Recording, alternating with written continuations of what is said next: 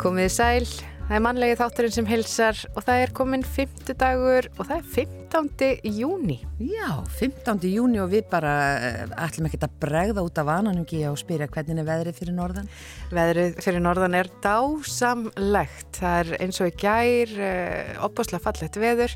Ég vísu sæði hér í beitni útsendingu gær að það veri 28 steg hitti og það var vissulega það sem mælirinn á Ráðhústorkinu hér á Akureyri síndi. En svo fekk ég skeiti um að uh, svona ofinbyrjar tölur væru 19,6. Já, en 28 en, hljómaði betur. Það hljómaði miklu betur og, og akureyringar eru þekktir fyrir að íkja þegar kemur að veðri þannig að þetta átti vel við. Já, kannski, einmitt. En hvernig er það fyrir sunnan? Það er bara skíjað og mjög fínt. Ég, ekkert meir um það að segja sko. Sérst lítið til sólar. Já. En þá nú eitthvað rætast úr því sínist mér eftir helgi. Þannig en... að eh, Nóum það, Nóum því að það. það er komið að hérna, fara yfir hvað gerðist á þessum degi 15. júni gegnum tíðina. Já. Árið 1667 franski læknirinn Jean-Baptiste Denis framkvæmdi fyrstu blóðkjöfina. Og 1752 Benjamin Franklin uppgötaði að elding er rafmagn. Já, og 1829 kampránsmenn voru dæmdir í hæstaréttu og hlutu 6 þeirra hýðingu sem var alltaf 81 högg en einn var dæmdur í ævilanga þrælkunavinu. Svo var það 1926 dönsku konungshjónin lögðu Hortstein að byggingu landsbítala Íslands sem konur beittu sér fyrir í tilefni af kostningarétti sínum og 1985 á bæ í Lóni var afhjúpaður minnisvarði um Úlf Ljót, lögsögumann, sem tók saman fyrstur lög Íslensku þjóðveldisins. Fiskmarkaðurinn í Hafnarfyrði helt fyrsta uppbóðið á ferskum fiski á Íslandi á þessum degi 1987 og þótti þetta merk nýjung. Svo árið 1994 þá var bandariska teknimyndin Konungur Ljónana frumsyngt Það var nú merkileg mynd og er. Já, já, og er mörgum í fersku minni, hún er nú bara öruglega, hvað ég segja, sínd viða á heimilum en í dag, um já, allan enda, heim. Enda algjör klassík, ég held ég gráti ennþá þegar ég sé þegar Múfasa degja og þegar hann talar við Simba úr stjórnum heimninum. Já, þetta er alveg ó, ótrúlegt atriði. En já, mannlegi þátturinn uh, lumar og ymsu í dag. Við ætlum að kíkja í heimsókn í Sapnahúsi á Egilstöðum en þar er meðal annars Minjasapn Austurlands til húsa. Og þar hittum við hana Elsu Guðnýju Björgvinsdóttur sem segir okkur frá einni af fasta síningum sapsins sem fjallar um reyndir. Kristín Aðalhegur Símonadóttir eh, rekur veitingastæðin Gísli Eirikur og Helgi á Dalvík. Og við komum við hjá henni á ferð okkar um Norðurland í síðustu viku. Spjöllum við hana um, já bara businessin og svo ferðarfólkið sem nú flikkist norður og einnig stóra verkefnið í vetur sem var True Detective sem var allt umlíkjandi á Dalvík. Já, svo er það framhaldsskóla kennarin Arnór Bleki Hallmundsson en hann hefur lengi rannsakað og skrifað um sögu gamalla húsa á Akureyri og í nákrenni og byrtast skrifans meðal annars inn á svæðismiðlunum akureyri.net. En undanfarið hefur Arnór Bliki unnið að gerð bókar um hús og fólk á Eyrinni í samvinnu við Kristínu Aðalsteinsdóttur og mun bókin koma út innan tíðar. Við eh, hittum Arnór Blika á eðisvellinum á Akureyri sem er einmitt á Eyrinni og rættum bókina sem og þennan mikla áhugans fyrir eh, gömlum húsum. En við byrjum á buppa, hér er lagið Lipur tá.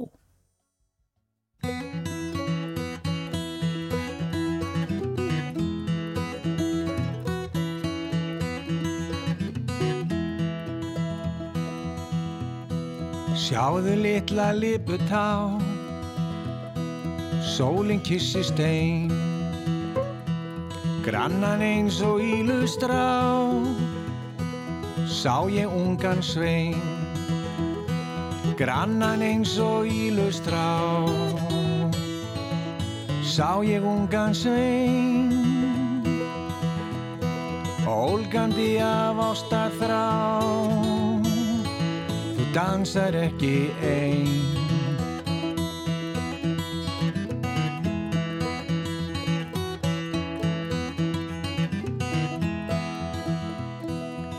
ólgandi af ástað þrá Þú dansar ekki ein. Káttu kemur dölun frá. Þið kissir undir grein. Káttu kemur dölun frá. Þið kissir undir grein. Brostu litla liputá. Þú vaknar aldrei einn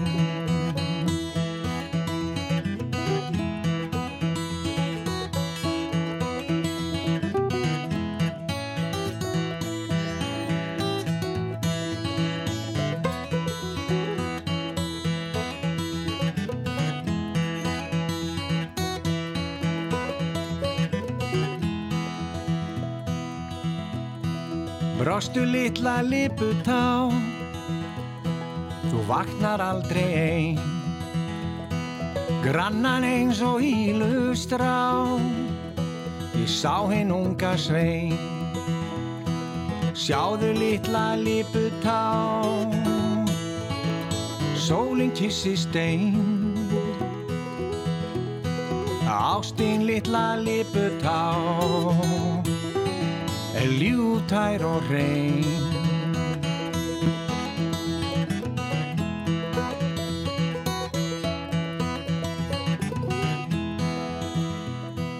Ástín litla liputá er ljútær og reyn Samt mun fegðin falla á þinn unga fríða svein Samt mun feiðin falla á Þinn unga fríða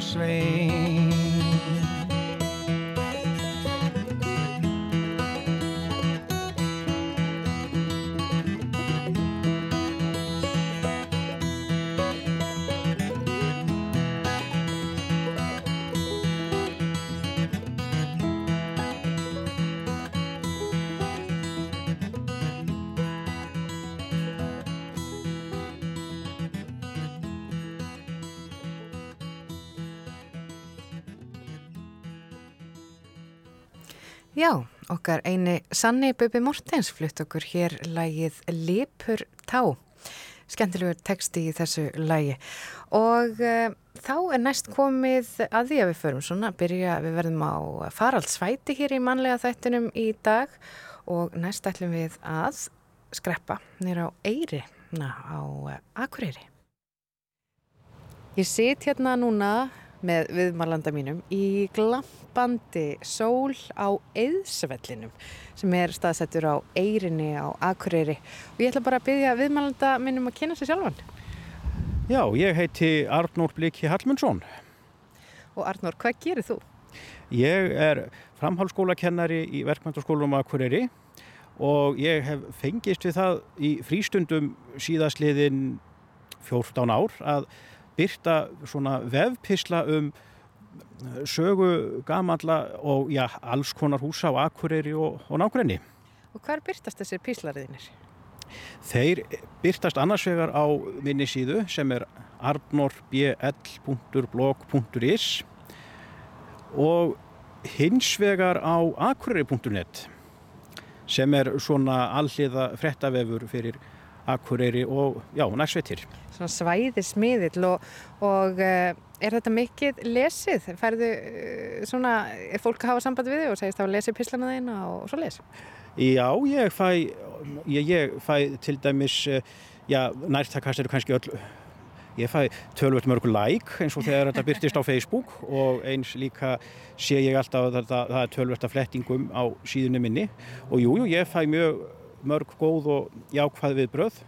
Stundum er, hafa fólk samband við mig og þá er eitthvað sem að hefur kannski misfarist eða má betur fara og, og það er að sjálfsögðu bara alltaf vel þegið því að rétt skal að sjálfsögðu vera rétt. Já. Uh, og þú skrifar um gömul hús og ert greinlega mikill grúskari.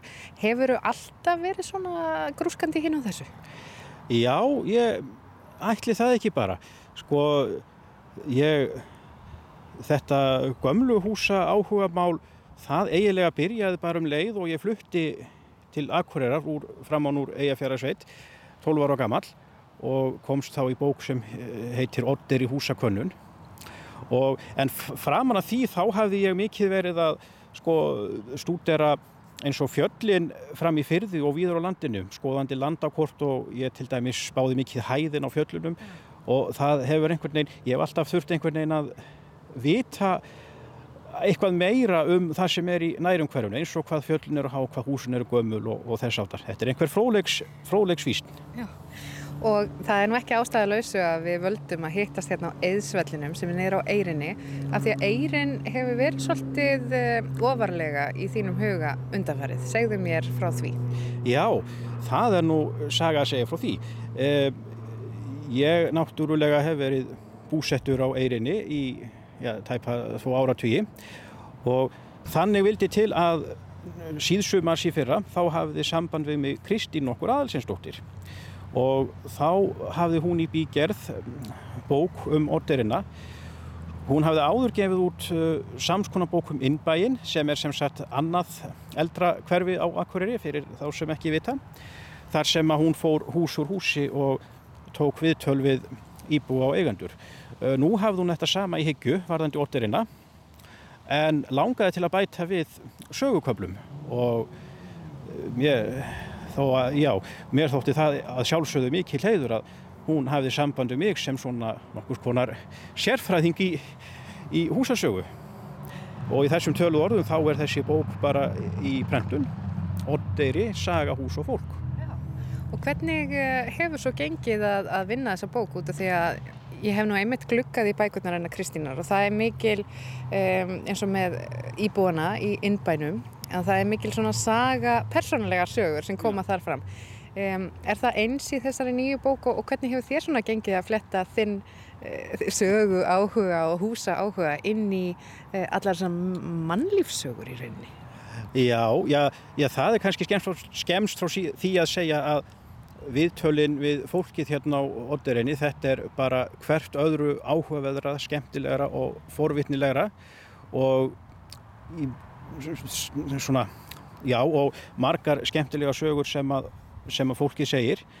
En ég mín áskorin fólks, fólks svona helst í því að sko aðlaga þau skrif sem ég átti fyrir og uppfæra eftir nýjum upp, upplýsingum og eins að já, það er oft sem að getur orðið svolítið erfitt það er að stitta greinarnar því að mann langar alltaf að koma svo miklu á, á framfæri. En, en það gekk bara ljómandi vel.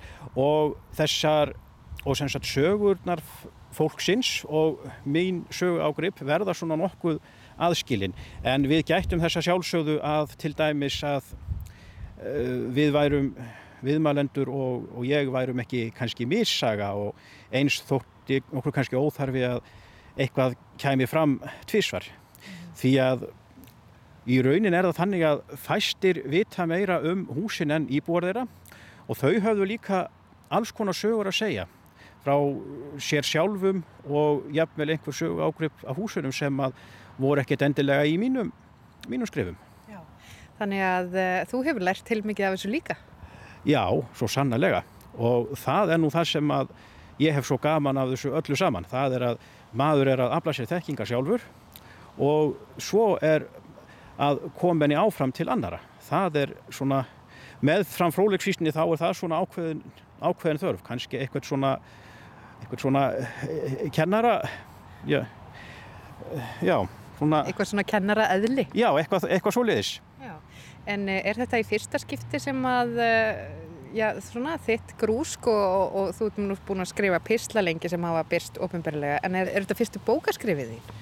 Heyrðu, já, það er Þetta mun vera í fyrsta skipti sem að mín skrif byrtast í bók og prenti og ég bara kann Kristínu bara miklar og bestu þakkir fyrir, fyrir að hafa haft samband við mig og líka fyrir, fyrir þetta samstarf sem hefur bara gengið ljómandi vel í alla staði.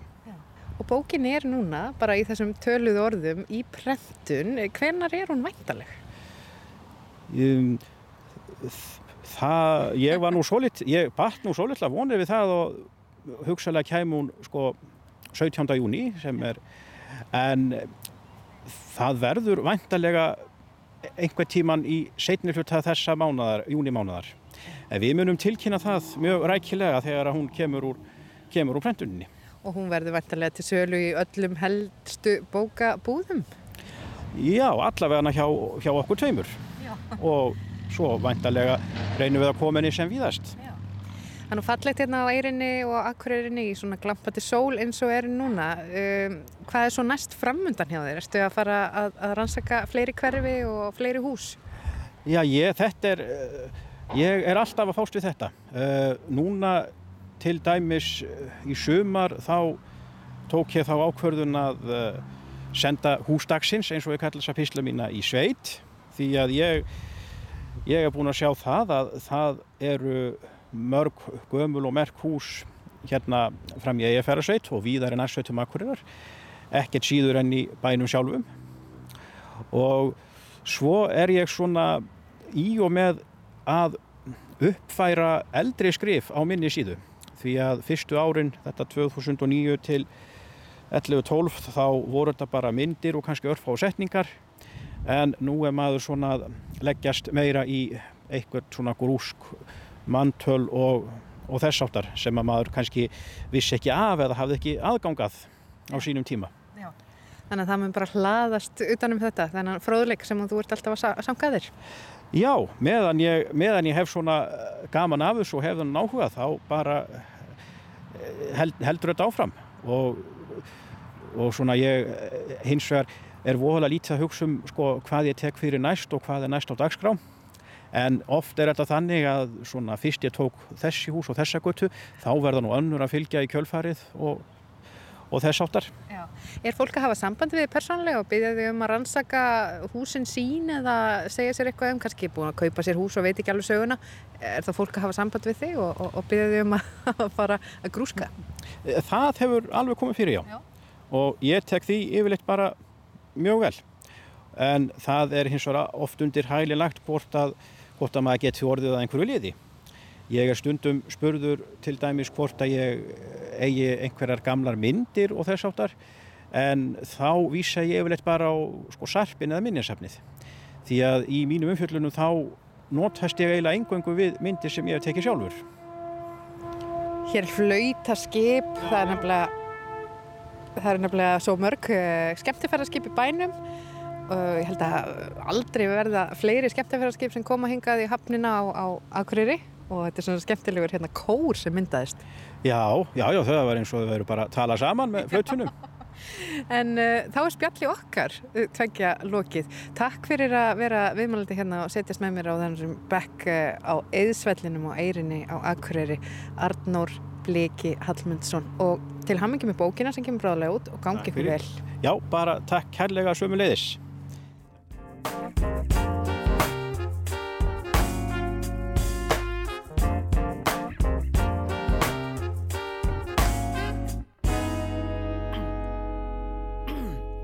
Afsakið, má ég segja nokkur orð Þó ég sé ekki valur að draga mig fram Þá get ég látið mig hafa það Í þeim tilgangi að koma að Dæmi, dæmi, dæmi, dæmi, dæmi, dæmi, dæmi, dæmi, dæmi, dæmi, dæmi, dæmi, dæmi, gerðin Er ég í meira stuð en rökkáll, hans styrkar í njón pál Hættulega vissi alltaf að ég Hver? Skýrnar af stengrimur, ættan af bygg Fagmannlega þjónust og Hver er ég? Eftirspurstrygg að röðið eigin fyrir stóri skýrnar af steingrímur ættana bygg fagmannlega þjónust og áhrif að dæmi kæðin deg marka frambóðin eftirspurstrygg að röðina eigin fyrir stóri og það er allt í góðu lægi allt í góðu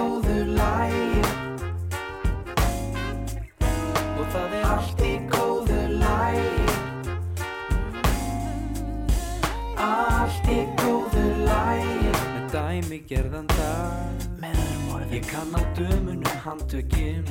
Ég fæ allt síðustu rólóinn Kaldastur jafningja klakanum á eitrar og sætar en Assesson fam ká Já þetta er dæmi gerðu dagur. 1-0 stöngininn Þú veist að ég er aðals ykkur pappin þín. Já dæmi dæmi gerðu dagur. 1-0 stöngininn Já þú veist að ég er aðals ykkur pappin þín. Og það er allt í góðu lægi allt í góðu lægi Og það er allt í góðu lægi Allt í góðu lægi Dæmi gerðan dag. Já það er allt í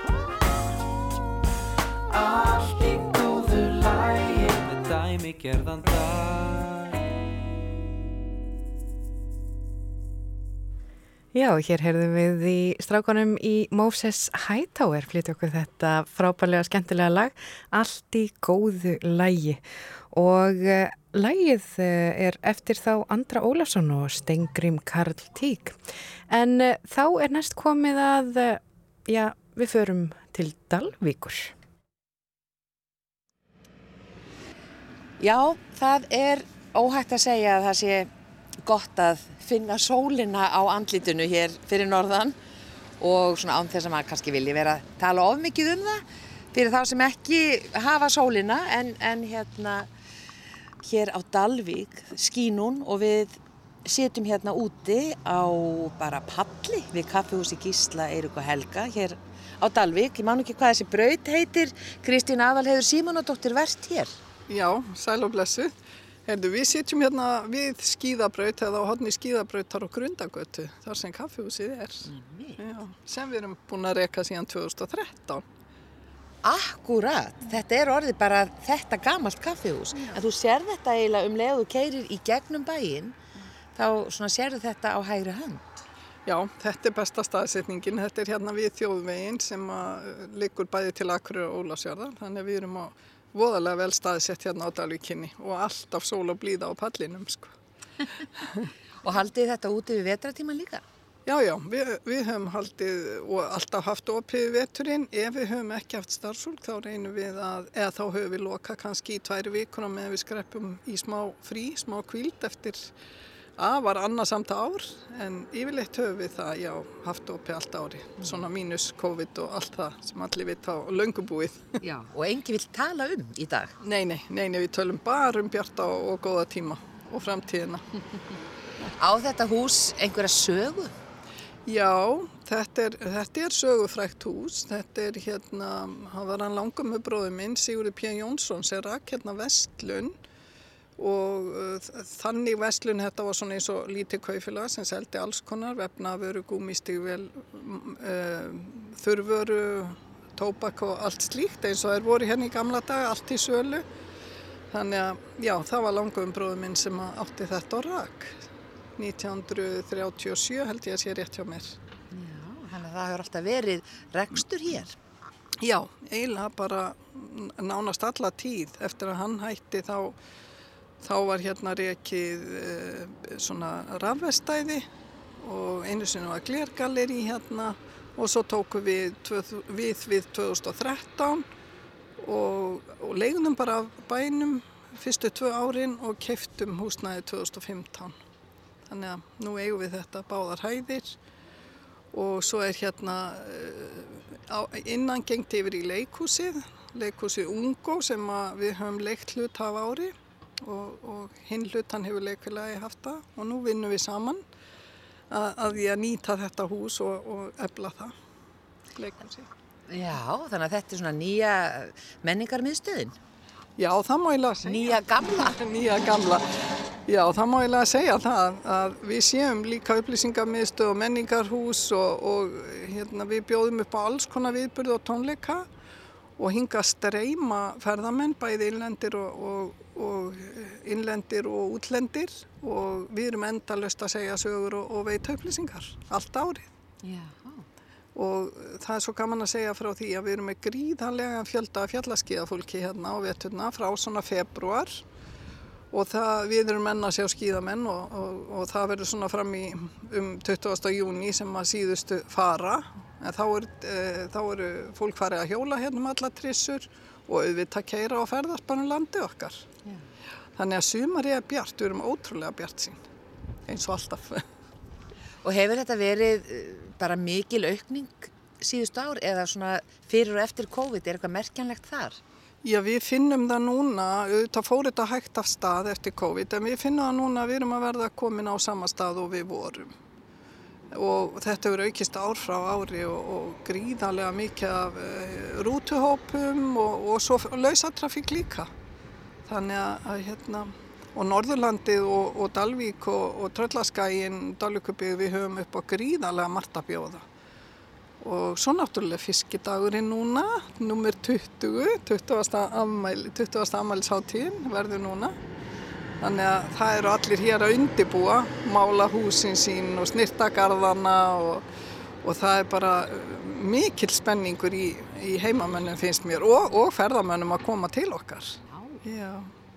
Veturinn hjá okkur var nú kannski dálítið sérstaklega því hér var bara uh, kvikmynda fólk frá Ameríku og stórstjörnur í marga mánuði. Já, það er rétt hjá þér. Hérna í janúar þá breyttist alvíkinn okkar yfir í, í hérna Dalaska. Var, bæ, bærin fjekk á sig allt aðra mynd og mikið skreittur og breyttur. Hér var bílasala á hotninu og það var líkus hérna neðar í göttunni og, og vínbúð og Þetta var svo skemmtilegu tími hann í byrjun í janúar og þegar True Detective var, þættin voru teknir upp hérna og við sem sagt lokuðum bara í byrjun janúar fyrir þá til að þjónusta þetta fólk og það gekk bara ótrúlega vel. Og það er svo gaman að segja frá því hvað allir voru áhuga samir og ég heyrði það á þessu fólki hvað þau voru þakklátt öllum bæjabúum að taka svona vel í þetta. Því að þetta þetta bara, já, já, hafði svona smá, hérna, auðvitað þurft að breyta innkeisli í bæinn og svona, en þetta var svo léttvægt með að hvað það var, setti mikið svip á bæjalífið og skreitingarnar og jólaljósin hérna fram í janúar, februar, þetta var alveg indislegu tími. Og allt svo fallegt í kringum þetta, snjór og, og bara, já, þetta var indislegt og svo frábær samvinna með þessu fólki. Og við bara hlökkum til ef að verður áframhald á svona verkefnum hérna. Þetta hefur gríðarlega mikið að segja fyrir svona lítið bæjarfélag. Yeah. Að fá allan að fjölda og þeirra mest á síðustu nóttina hérna á hodninu það voru um 400 manns hérna á þessum litla bletti. Já. Já, þetta var alveg frábært. Og kunni þetta fólk að skemta sér líka svona einu á milli? Já, mér fannst það nú ótrúlega rólegt. Þau náttúrulega, þetta var mest tekið upp á nóttunni þannig að það svaf á daginn fólki, það þarf að kvíla sig og þurfti þess. Og svo var vinna á nóttunni þannig að, að hérna, við erum nú ekki varfið neitt svona mikið skemmtana lífi í kring sko. En já, bara einn tóm gleði. Dásalegt, þannig þið eru núna búin að, búin að fá æfinguna og eru bara klári í næsta verkefni. Veistu eitthvað um eitthvað slíkt, kannski ekki að þessari starðagráði en eitthvað sem er í pípunum? Nei, mér er sagt sko, auðvitað eitt maður ekkert fyrirfram en mér er sagt að þetta sé bara byrjunin að hérna, byrjunin hérna norðanlands og eigi eftir að verða miklu, miklu starra og þetta klálega kemur okkur og, og litlu Dalvíkinu og Dalvíkubíð á korti. Fólk vil koma og sjá hvað þessi þættir voru teknir upp, bara eins og ófærð á siglufyrði Þannig að við bindum mikla voni við að það verði áframhaldi á svona stórum verkefnum og líka af því að þetta gekk svo vel og þeir segja okkur það, þessir menn sem að voru þarna yfir að þetta hefur tekist ótrúlega vel. Hvað er nú vinsalast hérna á matselinu hjá ykkur á Gísla Eiriki og Helga? Matseðlinn, hann er ekki flókin. Við erum með fiskisúpu alla daga á samgrænmeðsúpu og uh, súpunni fylgir heima gert bjórbrauð. Við bökum öll brauðin okkar úr kalda bjór og svo fylgir því fest salat og kaffi og, og þetta er að sjálfsögðu vinsalasti rétturinn því að þetta er eini rétturinn á bóstólum á samtöðu við það kaffi, nei, kökum og samlokum og slíku. En það er bara einfalt og gott. Einfalt og gott og, og við erum að fá alveg frábærar umsagnir bæði á TripAdvisor og Google. Þannig að við erum alveg heimið sæl hérna. Gott að heyra og ekki verra þegar sólinn skín og verið er svona gott.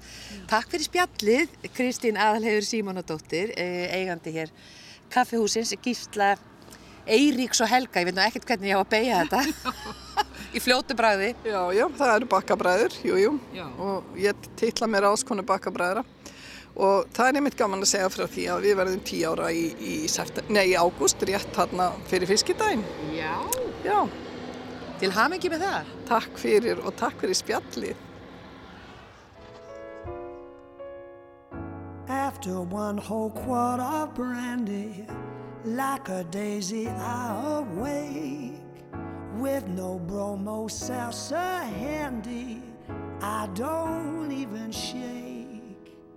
Men are not a new sensation. Have done pretty well, I think But this half-pint imitation Put me on the blink.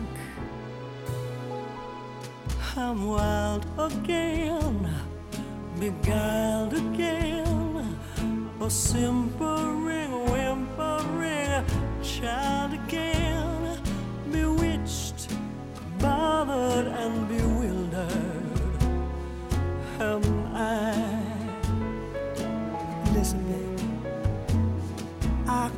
sleep and wouldn't sleep until I could sleep where I shouldn't sleep. Bewitched, bothered, and bewildered.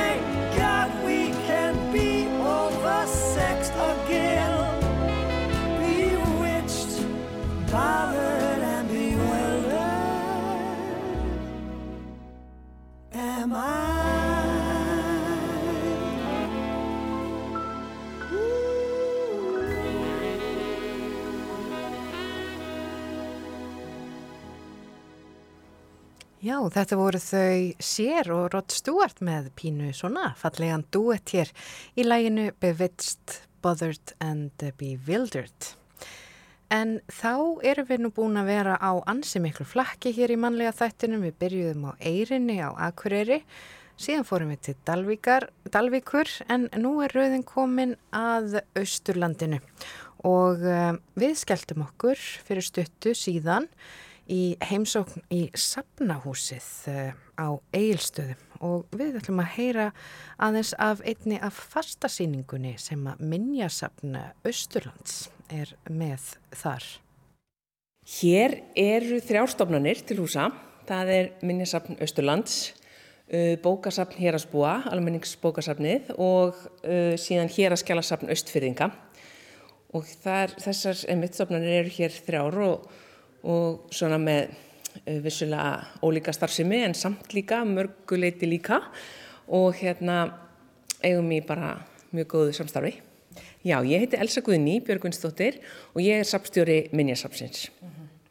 uh, og það eru ykkur síningar, já sko, bókasafnið uh, eru þetta svona bara eins og bókasafnið eru og hér að skjala safnið svona, en, en, en á Minjasafninu, hvaða síningar eru þetta til dæmis með?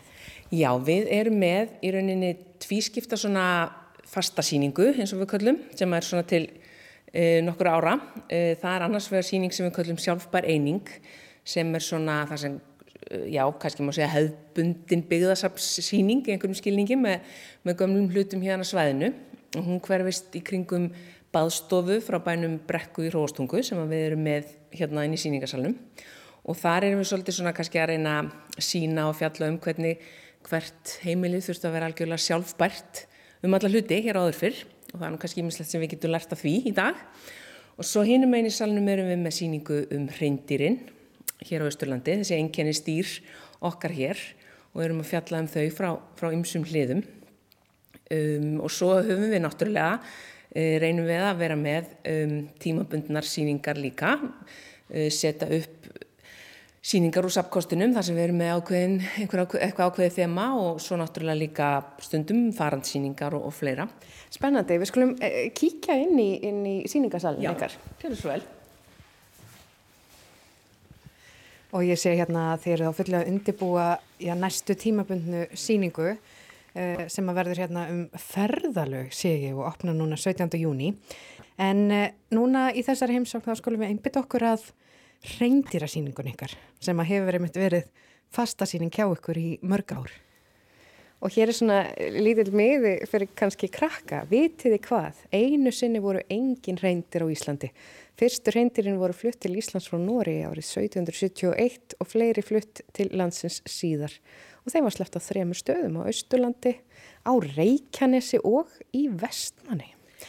Já, það veit það kannski ekki margir. Þetta eru reyndirinn náttúrulega eru bara hér á Östurlandi mm. og eru einkennandi fyrir þennan fjörðung en, en þegar að mann voru að gera þessar tilraunir þarna í kringum 1780 að þá var þeim sleft miklu víðar. Mm. Þau voru sett á landi í Vestmannegjum og Reykjanesi og á Norðurlandi en þannig talaði þessi hjörð á Norðurlandi ef ég fer rétt með hafa nú setna saminast þessari sem er hér á Östurlandi en annar staðar bara livðu þau ekki af. Það voru, aðstæður voru bara ekki ekki hérna ákjósanlegar fyrir þau annar staðar en hér. Og kannski vita menn nú ekki alveg af hverju menn voru náttúrulega kannski ekki að stunda mikla rannsóknir á þeim þarna og svona, hérna, finna út hvaða var nákvæmlega sem gerði það verkum að þau gátt ekki verið á hinnum stöðunum. En það er allavega þannig að þau, þau ílingdust hér. Haldum áfram gegnum síninguna Já. Þetta er þetta svona bara upplýsingarsíning sko, um reyndirinn uh, og svona hvað einkennir þau? En þeir eru líka með eitthvað gripi hérna. Já, við erum til dæmis hér með, með áhöld nokkur sem að eiga það sameinlegt að öll handföngin á þeim eru úr hrindishorni hér eru við til dæmis með brenniárn og, og heinál og hérna og svipu.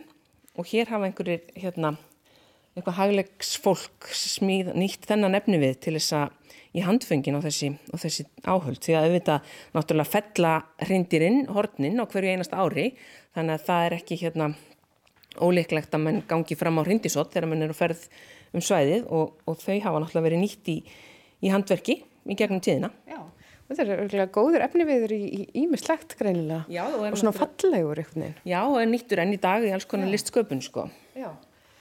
Og hér er mitt má sjá ímiskonar uh, reyndíshorn hérna upp á veggjum. Já, þessar reyndískrúnur eru afar tegnarlegar og, og, og það er náttúrulega, svolít, mér finnst allavega mjög merkilegt að hugsa til þess að þetta, að þau skuli fella hornin á hverju einasta ári og, og þau vaksi svo bara aftur. Þetta er nú ekkert smá, þetta er ekki smá smíði sko og það sem er enginandi fyrir náttúrulega íslensku reyndirinn er að, að hérna, kýrnar eru líka með horn, það eru líka hýrnar og þær, þær fella hornin uh, líka og, og náttúrulega náttúran sér til þessa að sagt, reyndirinn fella hornin ekki öll á sama tíma, þar að segja að kýrnar eru með hornin yfir vetratíman ja. þegar að aðstæður eru erfiðastar, þegar þær eru náttúrulega ganga með, með kálva, eru kelftar og þá eru þær efstar í, í svona hérna í gokunaröðinni og svo fell þær hornin eftir að hérna þær eru búin að bera en, en hérna tarfarnir fella hornin sem sagt í svona byrjun vetrar eða november, desember og eru þó ekki með hornin við vetartíman þegar svona erfiðustu aðstæðunar Já. eru. Svo er þau með eitt svona tarf hérna til sínis eh, uppstoppaður um, og líka mjög fallegur fundarhamar. Þetta er mjög flottur greipur. Segð mér aðeins frá þessum. Já, þetta er sem sagt fundarhamar gerður af Ríkardi Jónssoni og hausin er úr, úr hérna, fílabeini og skaftið úr íslensku hrindishorni og þetta var sagt gjöf frá byggingameistara uh, héraðsheimilisins Valaskjálf sem er nú hérna hinn með við göttuna, Sigurði Gunnarsinni og Öldu Jónsdóttur konu hans. Og hann er sagt mertur uh, valaskjálf það, og, og hérna er á hann líka meiri áletrun.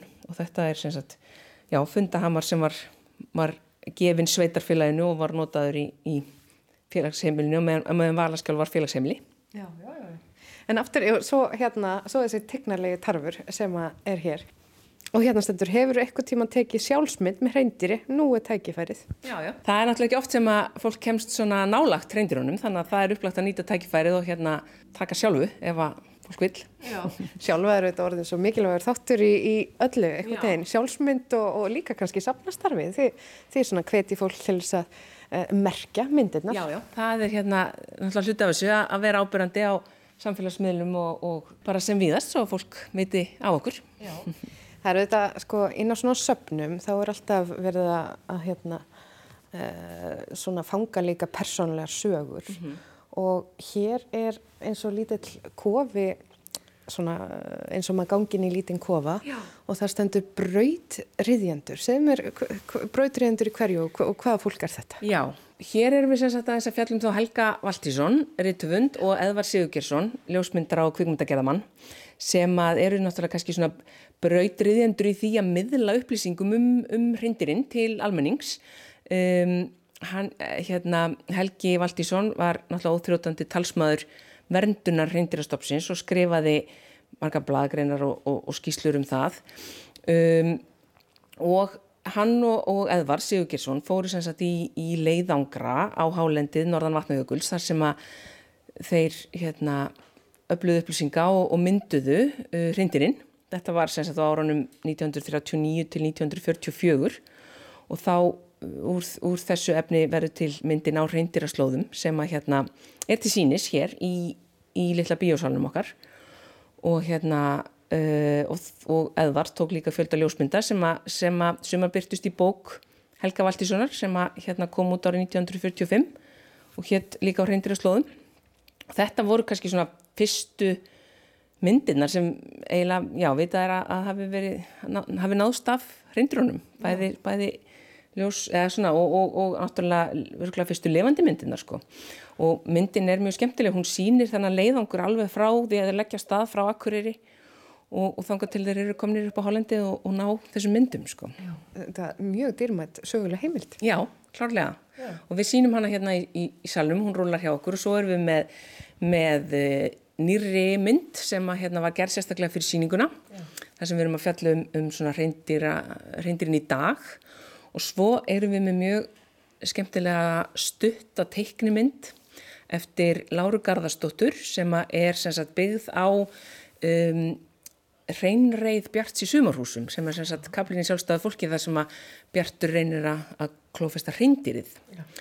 Með, með, já, og, og það er sem sagt hún, hún hérna gerir stutta, stutta teiknumynd um það sem er virkilega, virkilega skemmtileg. Já, og kannski svolítið fyndin og þetta gekk nú ekkert vel. Nei, þetta gekk ekki alveg nógu vel hjá honum sko.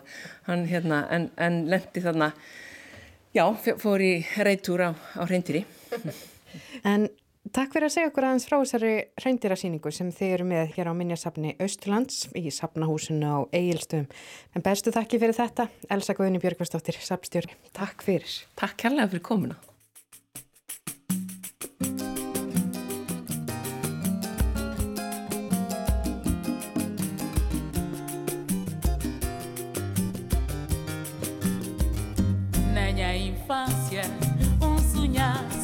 Moda boa sonhar cantar num parque de luz divina, moda boa.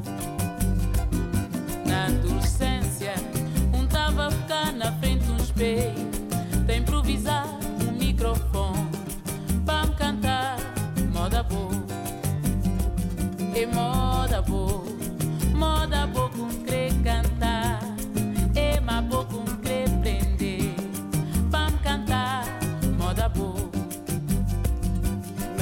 vivência já gente, já muito da realização em dúvida. Canta caber, canta minha terra.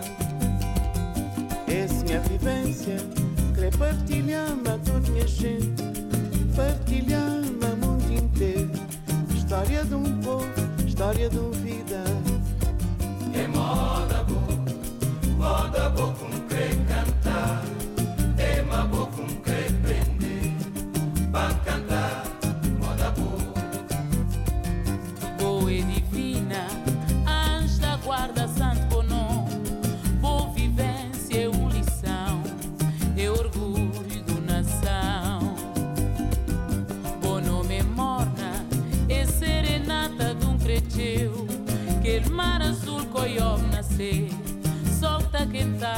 nos coladeira. Graça de cantar é uma missão que vou ter que cumprir. Pouca escolhi, Deus é que dá bem. Dignificar esse nome.